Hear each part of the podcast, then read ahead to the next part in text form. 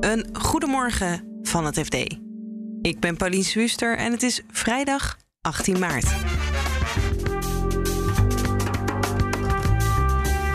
De energiesector stuurt een brandbrief over de acute geldproblemen waarin ze kunnen gaan verkeren.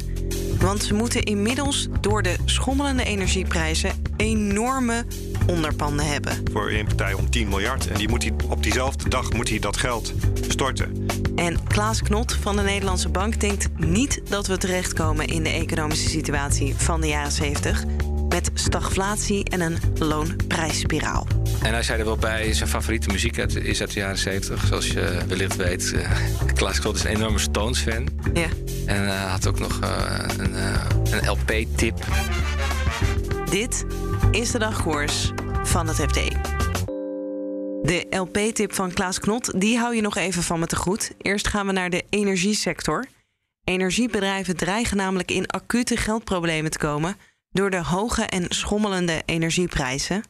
Om dit verhaal te begrijpen, legt onze energieredacteur Bert van Dijk eerst even uit hoe de energiemarkt normaal gesproken functioneert. Dan uh, heb jij klanten, die lever jij uh, stroom en gas.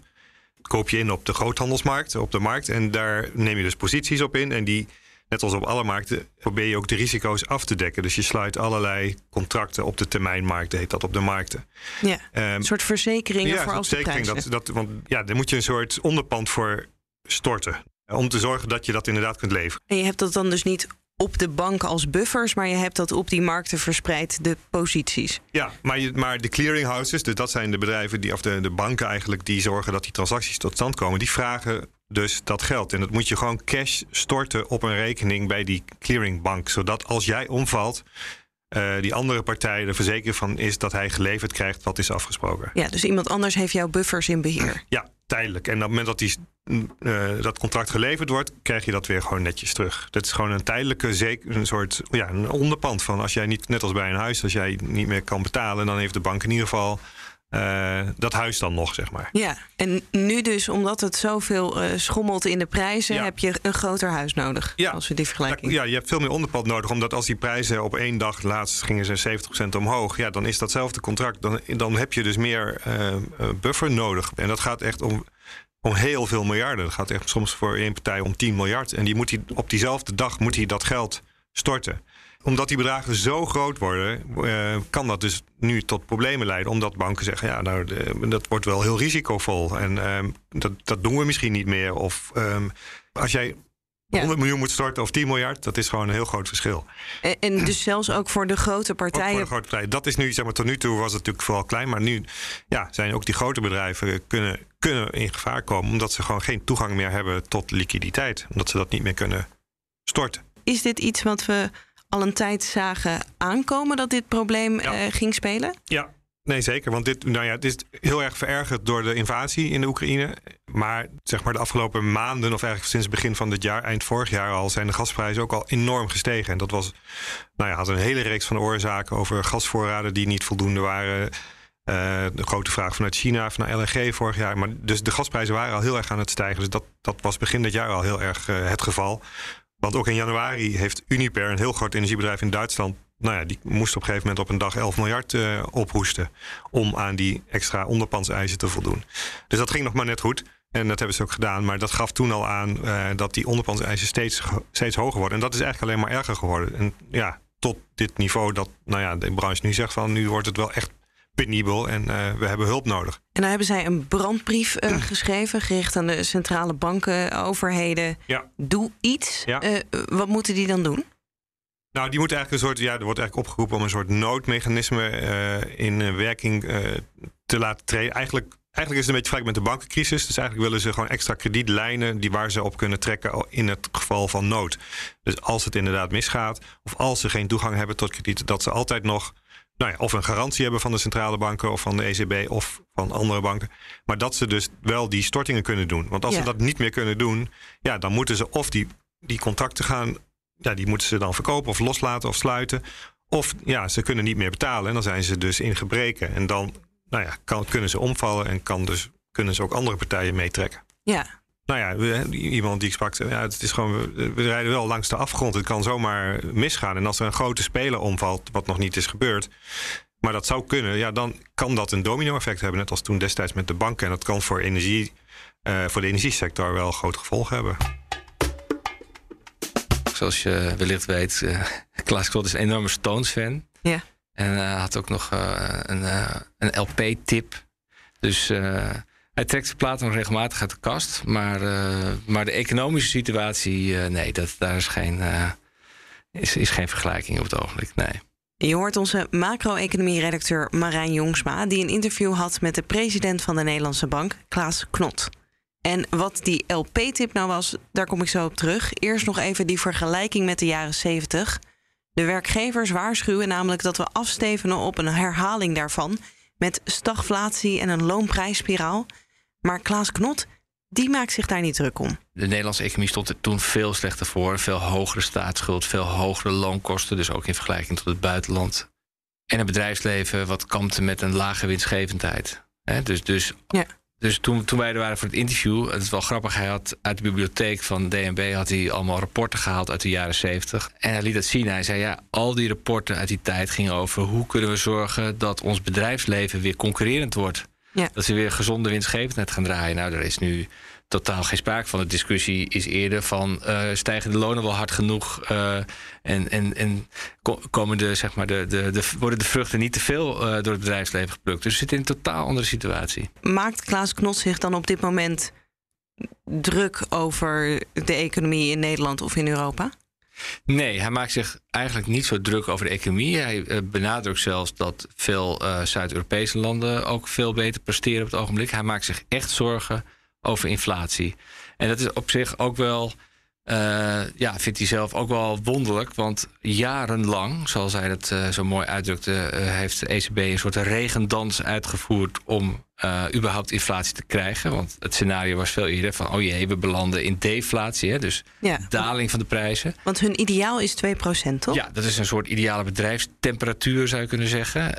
En dat is eigenlijk ook bedacht om voorkomen dat je in een deflatiescenario ja. komt. want een deflatie, dan, dan worden schulden steeds meer waard. En betekent ook dat als je uit, aankopen uitstelt, dat je, dat je er beter af bent. Dus dat kan een economie enorm vertragen. Dus je wil eigenlijk net een beetje inflatie hebben om te voorkomen dat je deflatie krijgt. Zo Ja. moet je het zien. En jarenlang waren ze bezig om dat te krijgen. Ja, en, en, en, nu, en nu ineens zitten we er zwaar boven. Hè. Ik bedoel, de, de prognoses lopen helemaal uiteen. Hè, bij, met, met langdurig hoge energieprijzen. Ja, dan zou je dit jaar uh, naar een inflatie gaan van bijna 10% Hè.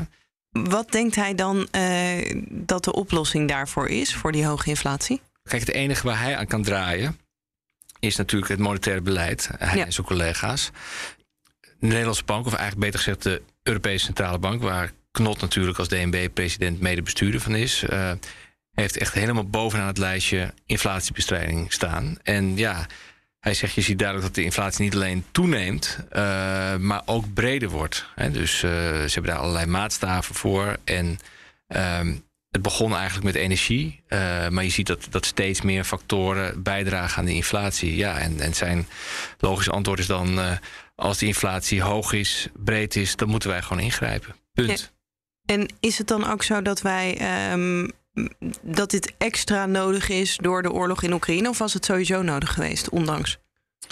Nou, die oorlog in Oekraïne die zorgt natuurlijk wel voor een dilemma. Aan de ene kant is het uh, inflatieverhogend. Het is, uh, zoals uh, Knot het zo mooi omschrijft, een negatieve aanbodschok. het komt erop neer dat er ja, minder producten deze kant op komen. dat er ook de dreiging van een, een, blokkade in de toevoer van olie en gas in de markt zit. Nou, olie wordt al minder, de Russische olie komt al minder deze kant op. Gas nog wel, maar ja, je weet niet hoe dat verder gaat lopen. Ja. Dus die prijzen stijgen heel erg. Dat werkt natuurlijk door in de inflatie. En dan krijg je allerlei tweede orde effecten. Hè. Dus met gas wordt bijvoorbeeld kunstmest gemaakt. Nou, dus kunstmest wordt duurder, dus voedsel wordt duurder. Vrachtwagens rijden op diesel. Nou, diesel wordt duurder, dus andere producten worden duurder. En zo werkt ja. het zo steeds maar door. Het enige wat we nog niet zo heel erg zien... is dat het ook doorwerkt in de lonen. Maar dat risico is volgens uh, Klaas dus ook behoorlijk toegenomen. De, als het doorwerkt in de lonen, dan uh, ja, krijgen we het risico op een uh, loonprijsspiraal. Zeg ik het goed? Als ja. dan de lonen omhoog gaan om de nou, want er is inflatie, moeten de prijzen weer omhoog, moeten de lonen weer omhoog, moeten de prijzen weer omhoog. En dat haasje over, hè? Ja. Dus inderdaad, precies zoals je het zegt. is hij er dan heel bezorgd over dat dit, ehm, deze hoge inflatie gaat zorgen voor een loonprijsspiraal? Of is het iets waarschijnlijker, maar het gaat nog steeds niet gebeuren? Nou, ze proberen het voor te zijn, zo moet je het zien. Dus ze proberen eigenlijk de economie af te koelen, zodat die doorvertaling van, uh, van hogere prijzen niet, niet zichzelf gaat versterken. Daar komt het eigenlijk op neer. En ja, de Oekraïne-crisis die is aan de ene kant inflatie verhogend. En dat is het debat wat een beetje speelt in economenland van ja. Het zorgt wel via die hogere energieprijs voor hogere inflatie. Maar aan de andere kant uh, drukt het ook de economische groei. En hoe minder groei, hoe minder inflatie. Die twee krachten die werken tegen elkaar in. Ja. Uh, en Knot zegt daarvan, ja, nou ja, ik zie vooralsnog voornamelijk inflatie en daar moet ik op acteren. Dat is één, hè, hij en zijn ECB-collega's. Uh, dus dat, dat, is één punt. En twee, zegt hij, ja, we hebben eigenlijk de veerkracht van de economie altijd onderschat tot dusver. Ze hebben uh, het herstel na de corona bijvoorbeeld was veel, veel sterker en sneller dan, dan iedereen had gedacht. En dat kwam totaal niet uit de modellen. Dus eigenlijk zegt hij een beetje van ja, uh, we zitten nu in een lastige periode. Maar de veerkracht van de Nederlandse economie is heel groot. Dus het zou best kunnen dat als deze crisis is opgelost, en ja, dat niemand weet hoe en wanneer, maar dat die groei weer heel snel terugveert. Dus dan heb je en hoge groei en je had al hoge inflatie. Uh, dat soort scenario's probeert hij natuurlijk te voorkomen dat, dat het nog erger wordt met die inflatie, snap je? Dus, ja. dus hij probeert het voor te zijn.